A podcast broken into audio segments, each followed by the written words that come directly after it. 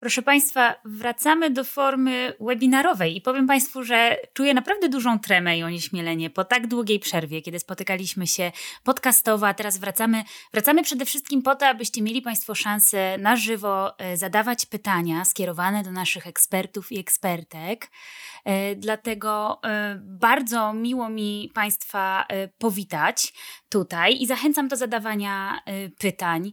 A będziemy dzisiaj rozmawiać o terapii zaburzeń odżywiania Naszą gościnią jest pani dr Angelika Staszewska, doktor nauk o zdrowiu, wykładowca, specjalistka w zakresie psychodietetyki, dietetyki i promocji zdrowia z tytułem MBA dla kadr medycznych, absolwentka Uniwersytetu Medycznego w Poznaniu oraz Uniwersytetu SWPS, założycielka poradni dietetyki i psychodietetyki w Poznaniu. Działa w obszarze promocji zdrowego stylu życia, racjonalnych zachowań żywieniowych, zmian nawyków żywieniowych, pracuje z pacjentami i pacjentkami m.in. z nadwagą, otyłością, anoreksją czy bulimią. Słuchasz podcastu z cyklu ABC Psychoterapii, realizowanego w ramach strefy Psyche Uniwersytetu SWPS. Więcej merytorycznej wiedzy psychologicznej znajdziesz na psycheswps.pl oraz w kanałach naszego projektu na YouTube i Spotify. Zapraszamy! Witam serdecznie pani doktor. Dzień dobry, witam Państwa, dziękuję za zaproszenie. Czym są zaburzenia odżywiania? Y, zaburzenia y, odżywiania to jest y, zjawisko czy problem, który występuje od wielu lat. My o tym problemie wiedzieliśmy już od dawna. Jeśli mielibyśmy dokonać takiej definicji, podać definicję zaburzeń odżywiania, to są nieprawidłowe zachowania związane z czynnością jedzenia. Zaburzenia e, odżywiania, one są ujęte w klasyfikacjach medycznych. Wiedzą Państwo o klasyfikacji DSM-5 oraz klasyfikacji ICD-10. Od y, przyszłego roku, od stycznia 2022 roku zacznie obowiązywać nowa klasyfikacja ICD-11 i tam zaburzenia y, odżywiania zostały ujęte, zostaną ujęte w kategorii zaburzeń karmienia y, i odżywiania. I co ważne w kontekście zaburzeń odżywiania, to to, że do klasyfikacji ICD-10 zostanie włączone zaburzenie z napadami obiadania się, które wcześniej w tej klasyfikacji nie występowało. I ważne jest również to, że w przypadku zaburzeń y, odżywiania występuje u pacjentów zaabsorbowanie kształtem ciała i wagą ciała, Natomiast w przypadku zaburzeń y, karmienia to zaabsorbowanie nie występuje. Jeśli my mówimy o zaburzeniach y, odżywiania, to odnosimy się do klasyfikacji medycznych, o których y, Państwu teraz powiedziałam. Natomiast y, istotne jest również to, że występuje szereg zaburzeń związanych z obszarem jedzenia czy odżywiania, które w tych klasyfikacjach nie są ujęte. I to jest w pewnym stopniu e, problematyczne, e, ponieważ trudno te zaburzenia e, diagnozować i potem leczyć. Mam tutaj na myśli takie zaburzenie, które jest nazywane bigoreksją, czyli dysmorfią mięśniową. Mam tutaj na myśli na przykład ortoreksję.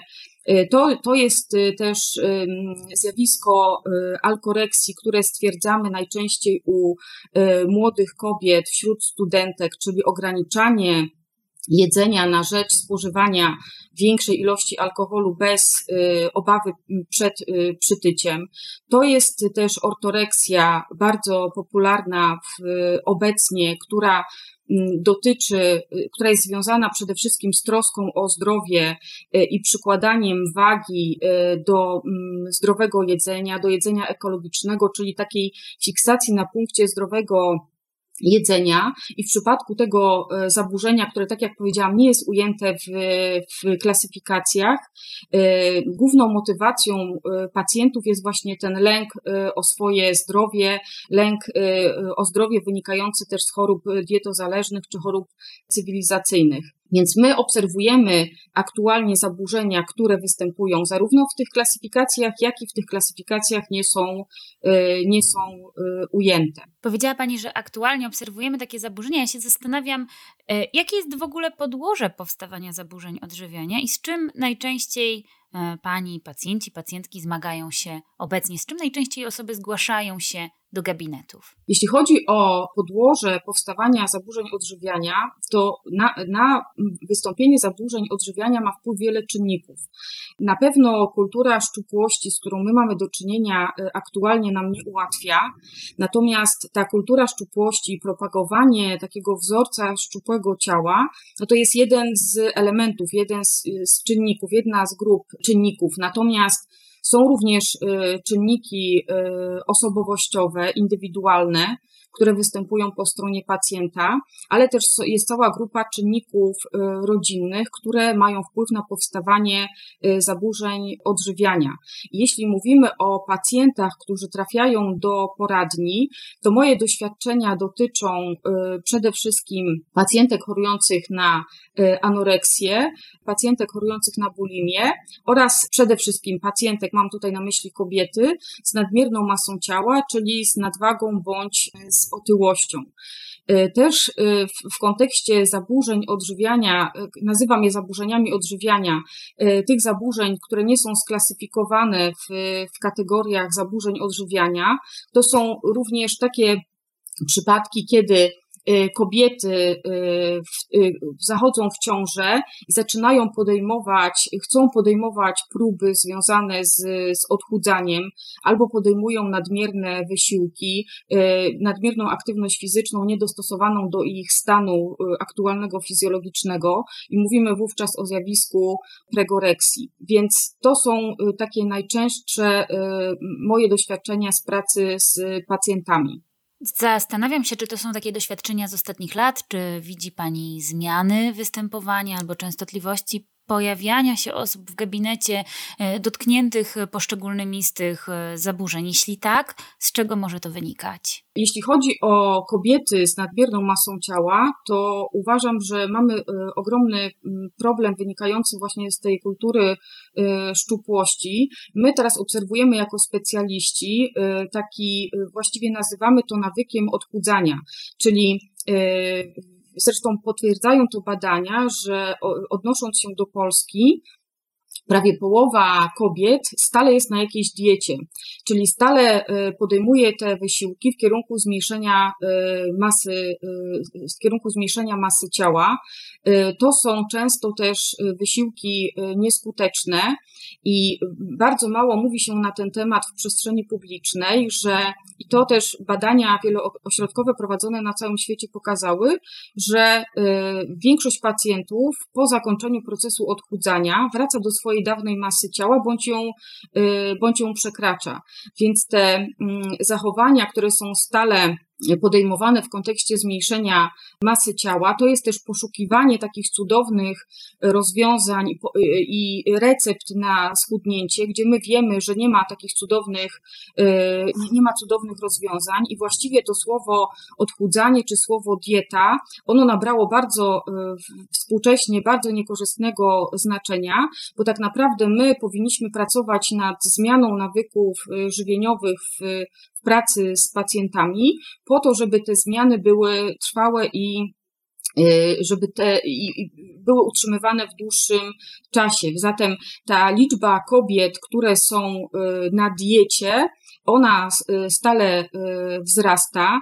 Ten problem też niskiej y, samooceny jest bardzo często obserwowany. To jest też problem niskiego poczucia własnej skuteczności. Zatem odpowiadając na Pani pytanie, na pewno ta liczba pacjentek, które się odchudzają, czasami bez wskazania do tego, a my też wiemy, że podjęcie decyzji o odchudzaniu w sytuacji, kiedy nasze BMI jest w normie, ono może być pierwszym krokiem do nadwagi bądź otyłości y, w przyszłości.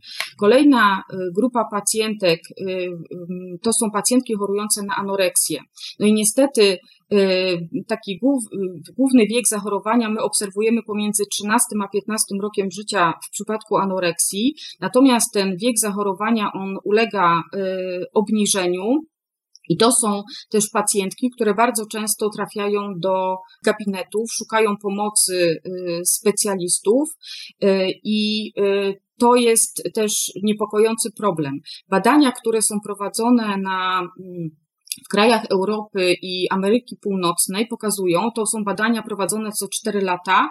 Ostatnie wyniki badań są z 2020 roku. One pokazały, że polskie nastolatki mają najniższą samoocenę spośród tych, y, spośród y, innych y, państw, więc to jest dla nas też bardzo niepokojące i to też ma wpływ potem na, na, te, na występowanie tych zaburzeń odżywiania, no, no bo to niezadowolenie z własnego ciała, nieakceptacja swojego ciała i ta kultura szczupłości na pewno są z tymi zaburzeniami odżywiania powiązane. Na naszym czacie zaczęły pojawiać się pytania, więc e, żeby nadać jakiś porządek i kolejność e, naszej rozmowie, zastanawiam się, jakie sygnały, jakie symptomy, objawy powinny być niepokojące, zarówno które możemy obserwować e, u siebie, jak i u osób nam bliskich, które mogłyby mm, no, nasunąć nam taką myśl, że być może to jest coś, co zmierza w kierunku zaburzeń odżywiania, czy anoreksji, czy bulimii. Mhm. Jeśli mówimy o anoreksji, tak jak powiedziałam, choroba występuje przede wszystkim y, u nastolatek pomiędzy 13 a 15 rokiem życia. Nie oznacza to, że ona nie wystąpi wcześniej. Takie przypadki mają również miejsce i może wystąpić również y, u dorosłych y, kobiet, natomiast przede wszystkim problem dotyczy nastolatek. I teraz, gdy trafiają, gdy nastolatka z rodzicami, z opiekunami trafia do specjalistów, no to zazwyczaj jest to sytuacja związana w ogóle z y, jakby komunikaty, które przekazują rodzice, one są związane z tym, że żałują, że tak późno się zorientowali albo w ogóle nie zdawali sobie wcześniej sprawy z tego, że może dziać się coś złego. Natomiast my jesteśmy jako dorośli w stanie wychwycić pewne komunikaty, które nas y, mogą y, zaniepokoić, które nas powinny niepokoić. I bardzo często my sądzimy, że jeśli nastolatka w okresie rozwoju, dojrzewania nie schudła, to nie jest to żaden problem. Natomiast jeśli nastolatka zwiększyła swój wzrost, rośnie, a jej masa ciała również nie wzrasta, w ślad za tym nie idzie wzrost masy ciała, to to już jest sygnał, który powinien nas zaniepokoić. To jest też taka sytuacja, kiedy my się y, orientujemy po pewnym czasie, wtedy, gdy już wystąpią problemy, że nie potrafimy sobie przypomnieć, kiedy widzieliśmy, nasze, kiedy widzieliśmy naszą córkę na przykład w bieliźnie albo w takiej sytuacji, kiedy część ciała była y, odkryta. To są też takie sytuacje, kiedy nie, nie potrafimy sobie przypomnieć, kiedy wspólnie spożywaliśmy posiłki Badania też pokazują, że wspólne spożywanie posiłków może działać y, y, profilaktycznie w kontekście wystąpienia zaburzeń odżywiania. Y, gdy nastolatka zaczyna podpytywać rodzica albo opiekuna, po ile podczas biegania można zrzucić kalorii, zaczyna uprawiać wspólnie sport z rodzicem, który podejmuje jakąś aktywność fizyczną, no to to są rzeczy, z jednej strony rodzice na początku myślą, że fajnie, że córka nastolatka podejmuje z nimi aktywność fizyczną, potem orientują się w, w, tym, że to były działania y, podejmowane po to, żeby zgubić kalorie.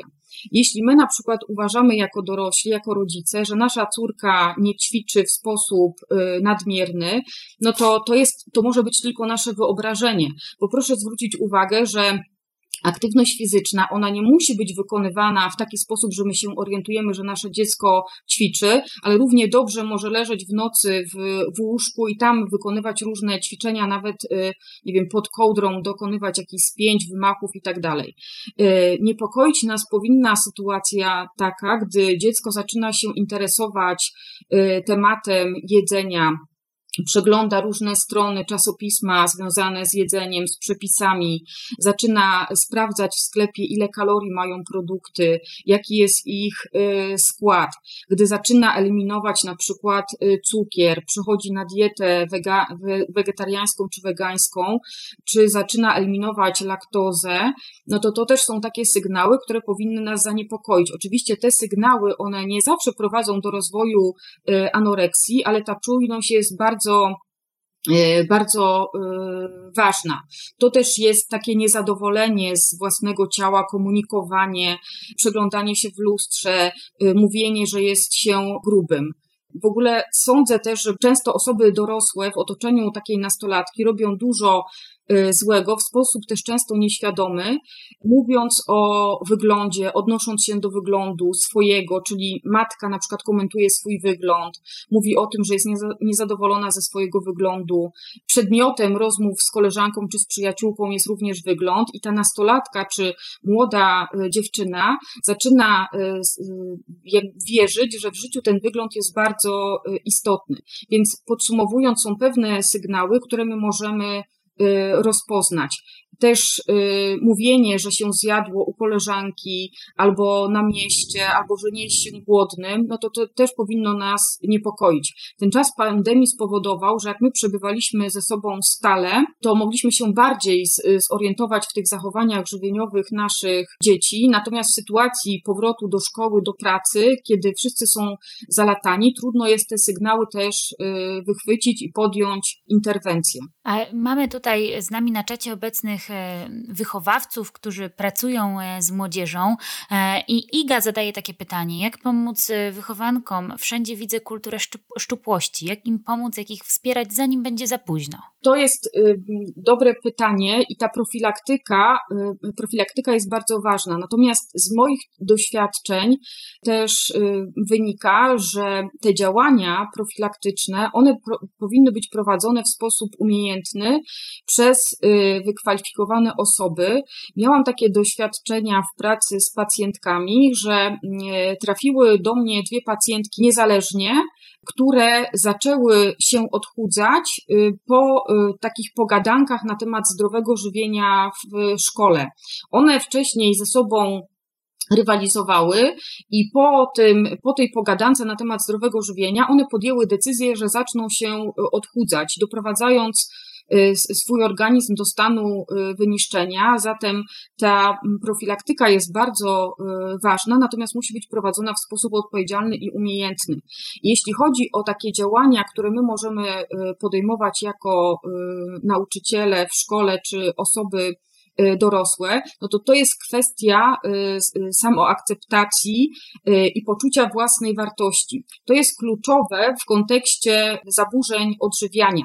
I to poczucie własnej wartości, y, utożsamiane z samooceną, one nie jest rozumiane jako bycie lepszym od, y, od innych osób, tylko y, bycie wystarczającym. I też jak Państwo obserwują w przestrzeni publicznej kampanie, które są realizowane w kontekście też ciało pozytywności, to one mówią właśnie o tym pojęciu bycia wystarczającym. Brak też jest w przestrzeni publicznej dyskusji na temat tego, y, jak y, wygląda, y, jak wygląda ciało, że te komunikaty, które my otrzymujemy w, z mediów społecznościowych, z Instagrama czy, czy z innych, to, to nie jest rzeczywistość, że to nasze ciało wygląda inaczej, że każdy z nas ma inne ciało i Przykład badań, który był prowadzony w Wielkiej Brytanii wśród chłopców nastolatków, im pokazywano kobiece piersi y, jakby osób, w, y, kobiet nastolatek w ich wieku. I oni byli zdziwieni, że te kobiece piersi wyglądają w taki sposób, bo oni byli nasyceni tymi przekazami, które, y, które mm, odbierają ze środków masowego przekazu. Zatem ta edukacja, ona może działać ma znaczenie takie profilaktyczne i skupiałabym się na tym, na tej y, akceptacji y, i tolerancji w odniesieniu do wyglądu ciała. Tak, myślę sobie, że środki masowego przekazu, internet Instagram to też takie miejsce, w którym znajdziemy wiele kont edukacyjnych, które e, wspierają e, i ciało pozytywność, i budowanie pozytywnego wizerunku własnego ciała, pozytywnej seksualności, ale także normalizując to, że właśnie nasze ciała bywają bardzo różne. Jeżeli Państwo tego poszukujecie, to naprawdę są także i takie, na szczęście, miejsca w internecie. Julia zadała bardzo ciekawe pytanie, a co z mężczyznami? Zgłaszają się dużo rzadziej niż kobiety. Uważa Pani, że mężczyźni mają gorzej, jeśli chodzi o zaburzenia, bo na przykład boją prosić się o pomoc? Jeśli mówimy o zaburzeniach y, odżywiania i o przypadkach klinicznych, to z pewnością grupą dominującą są kobiety. Czyli jakbyśmy mieli dokonać takiego podziału, to około 90% przypadków klinicznych to są kobiety, 10% stanowią mężczyźni. I y, jeśli mówimy o anoreksji czy o bulimii, to również grupą dominującą są y, kobiety. Natomiast uważam, że mężczyźni są w pewnym sensie pomijani czy marginalizowani, jeśli chodzi o zaburzenia odżywiania, a my przecież zmagamy się z takim pojęciem, o którym powiedziałam na początku, które nie jest ujęte w klasyfikacjach y, medycznych, które dotyczy bigoreksji, czyli bycia niewystarczająco umięśnionym. Uważam, że jest to ogromny problem, Y, do którego nie przykłada się należytej y, wagi, i to są mężczyźni, którzy żyją w, właśnie w poczuciu bycia niewystarczająco y, umięśnionym. To też wynika z niskiego poczucia wartości, to też wynika z, z tego, że sylwetka kobieca, model sylwetki kobiecej promowany w środkach masowego przekazu, my sobie zdajemy z tego sprawę, jaki on jest czyli ta szczupłość, przypisywanie im, y, przypisywanie tej szczupłości pozytywnych cech. Natomiast wobec mężczyzn stawia się też określone y, wymagania y, w, tych środkach masowego przekazu czy w przestrzeni publicznej i to jest typ sylwetki mezoomorficznej, czyli to jest taki mężczyzna, który ma szerokie barki, wąskie biodra i nie ma tkanki tłuszczowej w okolicy brzucha już nastolatkowie podejmują takie pierwsze próby na siłowniach dotyczą, związane z tym, żeby zwiększyć tą swoją masę e, mięśniową bez zwiększania tkanki tłuszczowej. To wiąże się z szeregiem takich niepokojących zjawisk związanych z, z, używaniem substancji niedozwolonych, żeby tą masę mięśniową zwiększać. To jest stosowanie e, suplementów w sposób niekontrolowany na podstawie własnych decyzji, w ogóle też nie mówi się o tym, że pomiędzy suplementami zachodzą różne interakcje, które mogą być dla naszego organizmu niebezpieczne. To jest przesadzanie z nadmierna podaż białka. E, to jest udostępnianie przez różnych e, kulturystów schematów treningowych i takich e, żywieniowych, i te schematy biorą za swoje młodzi mężczyźni zaczynają je stosować. Więc to jest na pewno bardzo poważny problem. Też często łatwo w przypadku tej bigoreksji ma, maskować to zaburzenie, no bo jak mężczyźni zaczynają ćwiczyć na siłowni, no to może to być postrzegane jako zjawisko pozytywne, bo zaczynają o siebie y, dbać. Natomiast y, bardzo rzadko też tacy mężczyźni szukają pomocy wśród y, specjalistów, czyli na przykład wśród psychoterapeutów. Najczęściej trafiają z powodu, z powodu depresji do, do lekarza psychiatry. Więc mężczyźni to jest również grupa, która jest jakby włączona w ten temat związany z zaburzeniami odżywiania, natomiast nie jest to grupa dominująca. Oczywiście, jeśli mówimy o mm, y, korzystaniu z pomocy, no to mężczyźni mają również nadmierną masę ciała, zmagają się z nadwagą bądź otyłością pierwszego, drugiego lub trzeciego stopnia, no ale otyłość jest to choroba, która nie jest ujęta w klasyfikacjach jako Y, zaburzenie odżywiania, więc mężczyźni z powodu nadmiernej masy ciała również trafiają do, y, do specjalistów.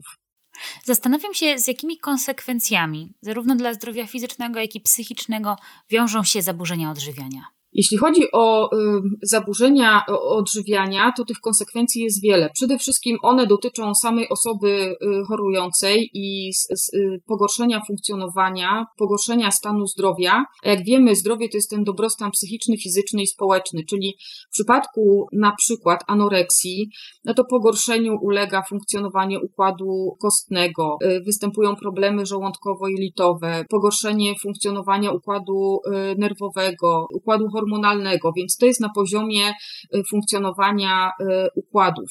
Natomiast też taki aspekt, na który rzadziej zwraca się uwagę w kontekście zaburzeń odżywiania, to jest pogorszenie funkcjonowania na poziomie takim y, społecznym, w relacjach z najbliższymi osobami czyli w, z najbliższym otoczeniem.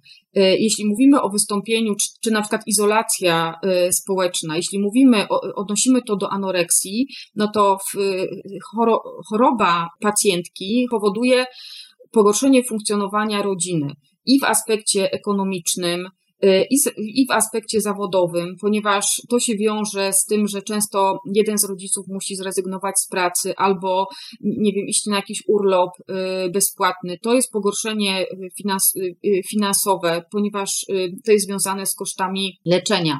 Nie zwraca się należytej uwagi na rodzeństwo, gdzie występuje problem z zaburzeniami odżywiania. Mówię, podaję teraz przykład anoreksji i ta rola pacjenta, pacjent zyskuje tą rolę dominującą w rodzinie, no bo trzeba ratować zdrowie i życie pacjenta, natomiast y, nie, nie, nie zwraca się należytej uwagi na to, że w rodzinie na przykład jest jeszcze inne y, rodzeństwo, które może czuć się odrzucone.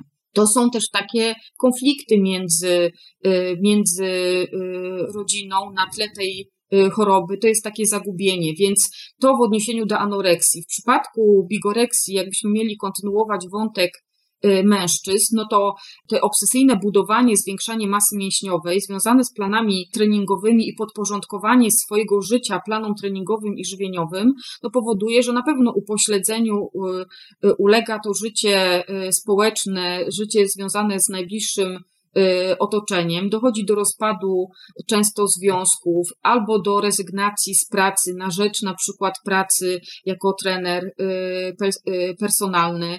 To jest w przypadku zaburzeń odżywiania często też obserwujemy rezygnację z różnych uroczystości, wyjazdów na wakacje, wtedy gdy na przykład nie ma siłowni albo nie wiemy gdzie, jak to jedzenie jest przygotowywane, czy właśnie z wyjścia do restauracji, tam gdzie jest żywienie zbiorowe, gdzie my nie mamy wpływu na Y, na, to, co jemy, to też obserwujemy w przypadku ortoreksji, tak, że my mamy ustalony taki swój harmonogram y, jedzenia, żywienia, produktów i trudno y, nam jest zaakceptować coś, co się znajduje poza naszym planem, czyli na przykład wyjściem do, y, do restauracji. Padło też bardzo ciekawe pytanie od Pauliny. Czy jest możliwe pełne wyleczenie się z zaburzeń odżywiania? Jeśli nie, to kiedy możemy uznać, że uporaliśmy się z problemem wystarczająco dobrze, że już do nas nie wróci? A może wróci? Zaburzenia odżywiania wracają? No, jeśli chodzi o y, zaburzenia odżywiania, to oczywiście wyleczenie jest możliwe. Natomiast przez y, jakby przez całe życie może, mogą się pojawiać czynniki tak zwane wyzwalające, które są z pewnością y, niekorzystne. I pewne mm, doświadczenia z naszego życia, gdy na przykład choroba się zakończyła, pewne doświadczenia one są niekorzystne, czyli to są jakieś trudne relacje z na linii córka, y, ojciec i komentarze na temat wyglądu tej córki, nawet gdy ona jest już dorosła, mogą być takim czynnikiem y, wyzwalającym do tego, żeby znowu wprowadzić ograniczenia, y, ograniczenia i restrykcje w zakresie odżywiania. Więc to wyleczenie jest możliwe, natomiast my przez cały czas musimy być, musimy być czujni, tak, zachować czujność. Powiedziała Pani o relacji z jedzeniem, budowaniu zdrowej relacji z jedzeniem, a ja w ogóle zastanawiam się, czy nam ta relacja jest potrzebna. Czy my musimy mieć relacje z jedzeniem? Bo myślę sobie, że jedzenie przecież spełnia określone funkcje w naszym życiu. Ma spełniać nasze, odpowiadać na nasze potrzeby życiowe, zapewniać nam energię, a także y, wszelakie y, wartości odżywcze, abyśmy mogli zdrowo i pełnie funkcjonować. A po co nam ta relacja? Mhm. Jeśli jedzenie zaspokajałoby tylko nasze potrzeby fizjologiczne, no to sądzę, że nie mielibyśmy problemów z zaburzeniami y, odżywiania. Y, i tylu trudności na tle y, jedzenia. Natomiast my wiemy aktualnie, że jedzenie jest w stanie zaspokoić wiele naszych potrzeb, nie tylko fizjologicznych. I, y, i na tym polega trudność. Jedzenie pełni też role związane z, z, z rozładowywaniem napięcia, z pocieszaniem nas, z uspokajaniem, z, pomaga nam wtedy, gdy jesteśmy smutni, zestresowani. Czyli jedzenie pełni szereg funkcji, występuje właściwie, jest w stanie nam y, naszą każdą potrzebę zaspokoić. Problem z jedzeniem polega na tym, że ono występuje stale w naszym życiu i my nie jesteśmy w stanie wziąć sobie urlopu od jedzenia, czyli przez jakiś czas w ogóle od tego tematu się odciąć. Jedzenie jest to czynność, która jest powtarzana y, stale, my ją powtarzamy y, codziennie. Jedzenie nas y, otacza. Y, jedzenie też jest środkiem bardzo y, łatwo dostępnym i stosunkowo tanim. My poprzez zakup jedzenia, nie wiem, mamy 10 zł, idziemy do sklepu, kupujemy sobie trzy batony, czy czekolady, czy jakiś inny produkt i my za stosunkowo niską cenę jesteśmy w stanie sobie poprawić nastrój. Zatem to jedzenie może nam przysparzać wiele kłopotów. My mówimy tutaj o jedzeniu emocjonalnym, czy o emocjonalnym stylu jedzenia, który jest uważany za styl jakby niekorzystny, nie, niepreferowany. I teraz ta relacja z jedzeniem, ona jest już budowana właściwie od, y, od urodzenia, tak jak nawyki żywieniowe kształtowane są od urodzenia. I y, chodzi y, o to w tej relacji z jedzeniem, żeby ona była, żeby ona była poprawna, racjonalna i, i też często nie zdajemy sobie sprawy z tego, jako dorośli, którzy, na przykład, którym się urodzi dziecko, jak istotny jest ten pierwszy okres rozwoju dziecka w kształtowaniu tych prawidłowych relacji z jedzeniem. My często obserwujemy zachowania, które nie są wskazane w kontekście budowania relacji z jedzeniem. Mówię tutaj o przekarmianiu dzieci. Dzieci do pierwszego roku życia są często przekarmiane, o zmuszaniu do jedzenia, o wykorzystywaniu tego jedzenia jako y, do, do nagradzania, do karania. Więc te, mm, te relacje, one już są budowane y, od najmłodszych lat i potem często spotykamy się z, na przykład z pacjentami czy z pacjentami, którzy właśnie byli nagradzani jedzeniem, na przykład słodyczami i to za nimi się ciągnie przez całe życie, nie mogą sobie z, tą, y, z tym poradzić w życiu dorosłym i właśnie stosują te słodycze czy słone przekąski jako sposób na to, żeby się nagrodzić albo pocieszyć, bo na przykład były te, jako, ma, jako małe osoby były pocieszane y, jedzeniem, więc to budowanie relacji jest, y, jest y, bardzo ważne i ono zaczyna się już od najmłodszych lat. Y, jeśli mówimy o tych latach najmłodszych, no to y, powinniśmy to sobie też zdawać sprawę jako dorośli, że na tym wczesnym etapie rozwoju dziecka modelowanie zachowań jest bardzo ważne. I my mamy ogromny wpływ na y, zachowania żywieniowe naszych dzieci, ponieważ my jesteśmy w pierwszym okresie życia małego dziecka najlepszymi y, modelami dla tych dzieci. I to, w jaki sposób y, się odżywiamy, czy podejmujemy aktywność fizyczną, czyli te zachowania, które mają wpływ na nasz, związane są z naszym stylem życia, one mają też wpływ na nasze dzieci. Pojawiło się także pytanie o leczenie zaburzeń odżywiania. Paweł pyta, jaki nurt w psychoterapii ma najlepsze wyniki w leczeniu zaburzeń odżywiania. Y, badania pokazują, że terapia poznawczo-behawioralna uznawana jest za jedną z, z, najskuteczniejszych w leczeniu zaburzeń odżywiania. Y, zwraca się również uwagę na y, dialog motywujący, na terapię akceptacji i zaangażowania. Natomiast jakby rzecz, na którą chciałabym zwrócić uwagę, to to, co jest dla mnie kluczowe, to jest praca w, inter, w zespołach interdyscyplinarnych. Budowanie tych zespołów i współpraca pomiędzy specjalistami jest bardzo ważna. E, ja mam tą przyjemność i możliwość tego, żeby na e, uczelni w tych zespołach współpracować i uważam, że dzięki temu ta skuteczność w pracy z pacjentami jest znacznie większa. I wiemy o tym, że budowanie tych zespołów interdyscyplinarnych jest ważne, natomiast jak odniesiemy to do praktyki, no to niestety nadal to jest rzadko, e, rzadko wdrażane czy, e, czy praktykowane. W zaburzeniach odżywiania, poza e, psychologiem, psychoterapeutą, dietetykiem, psychodietetykiem czy lekarzem psychiatrą, powinien być też włączony często ginekolog, w zależności od, od zaburzenia, albo, albo pediatra.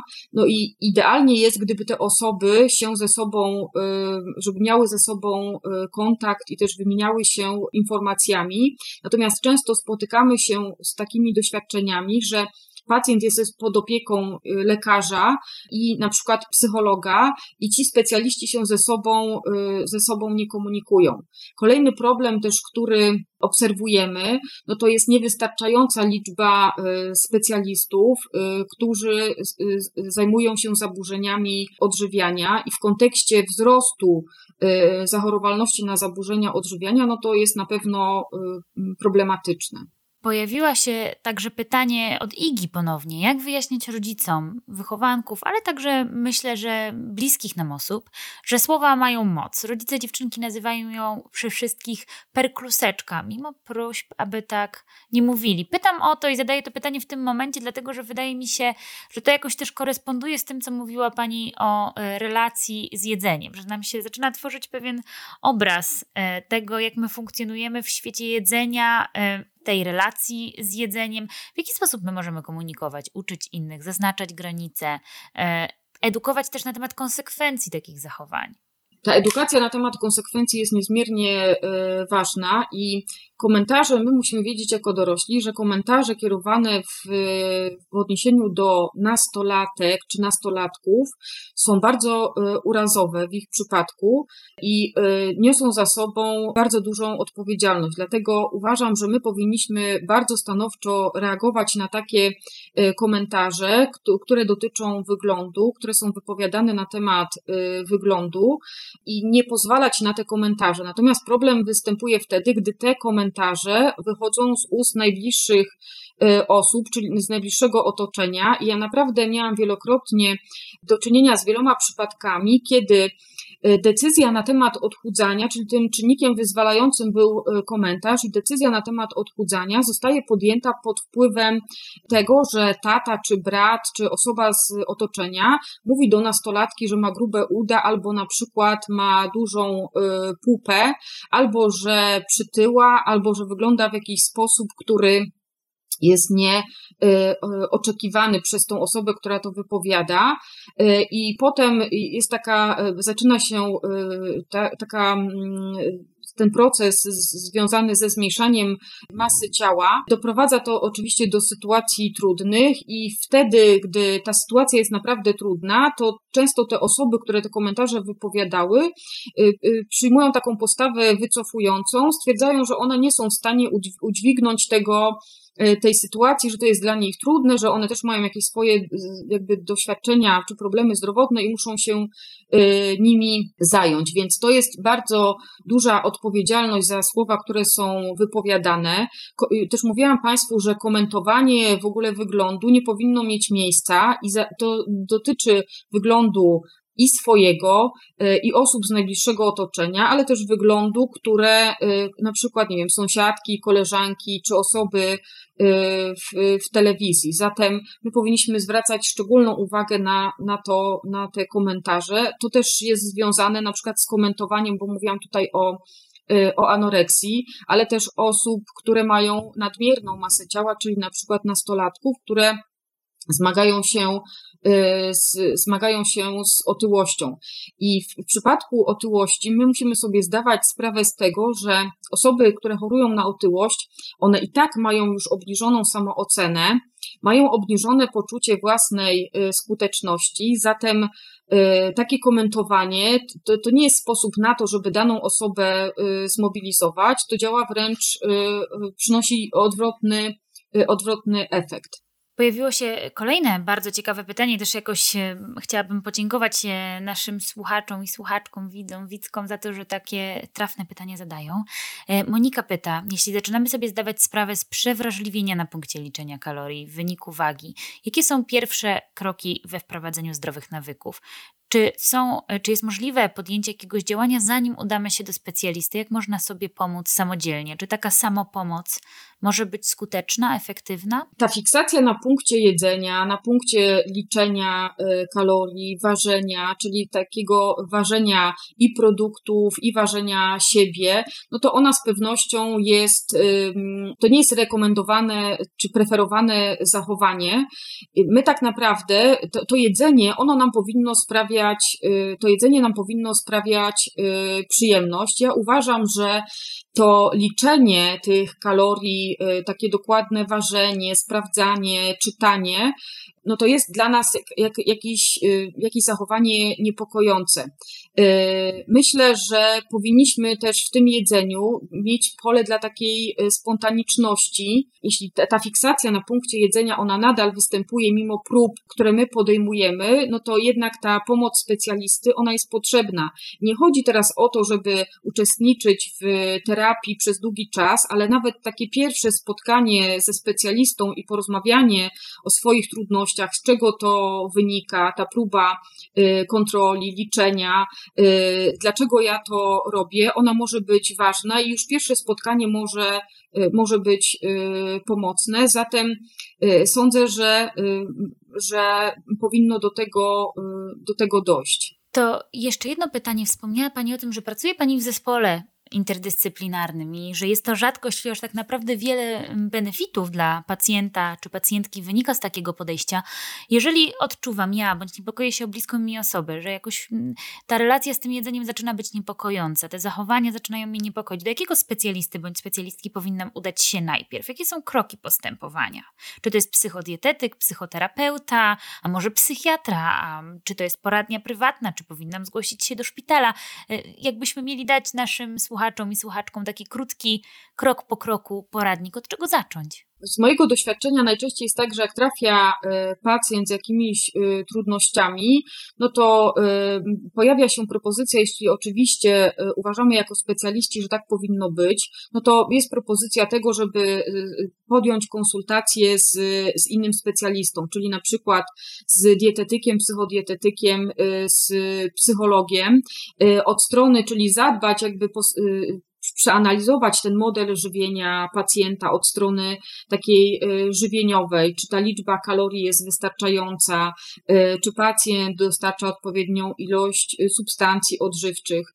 Z psychologiem porozmawianie na temat tych zachowań, które pacjent praktykuje, czy one są niepokojące, dlaczego właśnie podejmuje działania restrykcyjne, jeśli one mają miejsce. Bardzo też często w przypadku, gdy mm, pacjenci są, na przykład gdy rodzice zgłaszają się o pomoc, albo e, rodzice zgłaszają się, czy jeden z rodziców, czy opiekunów trafia do specjalisty z prośbą o e, pomoc i zazwyczaj trafia do dietetyka, ponieważ niepokoją się się opiekunowie czy rodzice y, zbyt niską masą, y, zbyt niską masą ciała i właśnie odchudzaniem, y, no to wtedy jest rekomendacja, jeśli my widzimy, że jest jakiś problem, to jest rekomendacja do konsultacji z psychologiem. Może być również tak, że najpierw rodzice sami trafiają z prośbą o pomoc do, do psychologa, który specjalizuje się w zaburzeniach odżywiania i wówczas następuje włączenie nastolatki. Y, może być również tak, że rodzice szukają pomocy, y, jak postępować w ogóle z, z nastolatką, która, gdzie widzą, że jest jakiś problem w kontekście zaburzeń odżywiania. Więc z mojego doświadczenia te działania, jeśli trafia pacjent, one są realizowane jednoczasowo. I to też jest plus takiego działania, że my możemy tą opieką kompleksową objąć pacjenta y, od razu i w tym samym czasie. A wiemy, że w przypadku zaburzeń odżywiania podjęcie szybkiej interwencji jest niezwykle istotne w kontekście też rokowania i potem tego procesu leczenia. Im dłużej występuje trwanie w tej chorobie, tym te rokowania są y, są oczywiście później y, gorsze i może dojść do przejścia w stan chroniczny. E, Julia zadaje pytanie, myślę, że pytanie rzeka, ale być może uda nam się odpowiedzieć e, na nie w jakiejś zgrabnej formie. Jak przestać bać się jedzenia? Z kolei Wiki e, dopytuje, jak zaakceptować siebie, przestać myśleć o utracie wagi, sprawdzać tego na każdym kroku. Czy są jakieś techniki, które możemy samodzielnie wypróbować, zanim zgłosimy się do specjalisty? Proszę zwrócić uwagę, że y, to jest ważny wątek, uważam, czynności nawykowych, czyli my pewne y, działania podejmujemy w sposób y, nawykowy i to są czynności automatyczne. Jeśli my przez wiele lat na przykład kontrolowaliśmy jedzenie, czy byliśmy na diecie, od, podejmowaliśmy jakieś próby w zakresie odchudzania, albo na przykład stale się ważyliśmy, ważyliśmy, o to jest dobry przykład, stale kontrolowaliśmy swoją wagę i to u nas stało się już pewną czynnością nawykową. I teraz zmiana tej czynności nawykowej, czyli wyjście tak naprawdę z błędnego koła, czy odchudzania, czy kontrolowania, ważenia siebie, monitorowania tego, E, swojego wyglądu, to wyjście z błędnego koła, to na pewno jest to y, trudne. To nie jest możliwe, taka zmiana nie jest możliwa z, z dnia na dzień, że ja podejmuję decyzję, że od jutra przestanę się na przykład systematycznie ważyć i kontrolować swoje obwody ciała. Generalnie zmiana nawyków, ona wymaga czasu i o tym pacjenci z tego sobie nie zdają sprawy, że praca nad zmianą nawyków trwa, ona jest związana z ambiwalentnymi y, uczuciami i ona może powodować pewien y, dyskomfort. Więc jeśli my chcemy dokonać jakichkolwiek zmian, y, nie tylko w obszarze żywienia czy aktywności fizycznej, jeśli widzimy, że my to robimy w sposób kompulsywny, no to na, na to potrzebny jest czas. My też nie możemy dokonywać wielu zmian naraz, ponieważ wtedy też, wtedy prawdopodobieństwo tego, że my zarzucimy te nasze decyzje jest większe. Więc jeśli chcemy nad czymś pracować, jeśli chcemy dokonywać zmian i wiemy, że pewne zachowania są dla nas niekorzystne, no to my to powinniśmy rozłożyć y, w czasie. To musi trwać i też my musimy dawać sobie przyzwolenie i prawo do tego, że, y, że nam nie będzie zawsze to wychodziło, tak? Czyli y, są takie dni, kiedy będzie mi się udawało, będę to postrzegała jako sukces, ale też będą takie dni, które będę postrzegała jako porażkę. I to za, takie działanie zero-jedynkowe my też bardzo często obserwujemy w swojej pracy jako specjaliści, czyli stosowanie takiej zasady, yy, zasady wszystko albo nic, czyli albo się trzymam czegoś na 100%, albo nie robię czegoś w ogóle.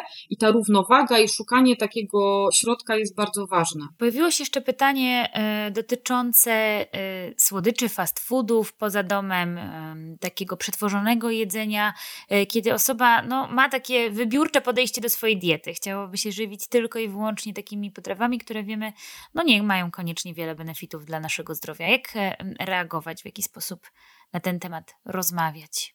Generalnie w naszym interesie, w interesie naszego organizmu jest to, żeby dostarczać do swojego organizmu y, jedzenia, które jest dla nas najbardziej wartościowe, z którego my mamy najwięcej korzyści. Natomiast są takie sytuacje, kiedy my nie mamy y, czasu, y, kiedy mm, nie przygotowaliśmy sobie jedzenia, kiedy po prostu mamy ochotę na jedzenie typu fast food.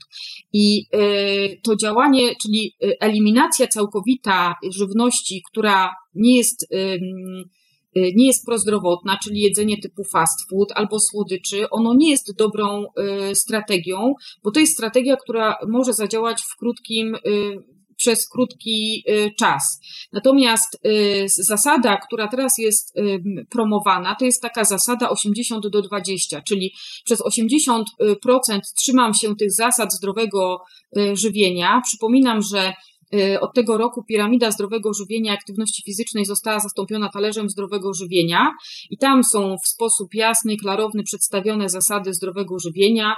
Y, też y, odsyłam Państwa do strony Narodowego Centrum Edukacji Żywieniowej, gdzie tam w sposób bardzo przejrzysty zostały opisane zasady zdrowego żywienia, fakty i mity na temat żywienia z podziałem na różne grupy, czyli od najmniejszych dzieci do nastolatki i osoby dorosłe.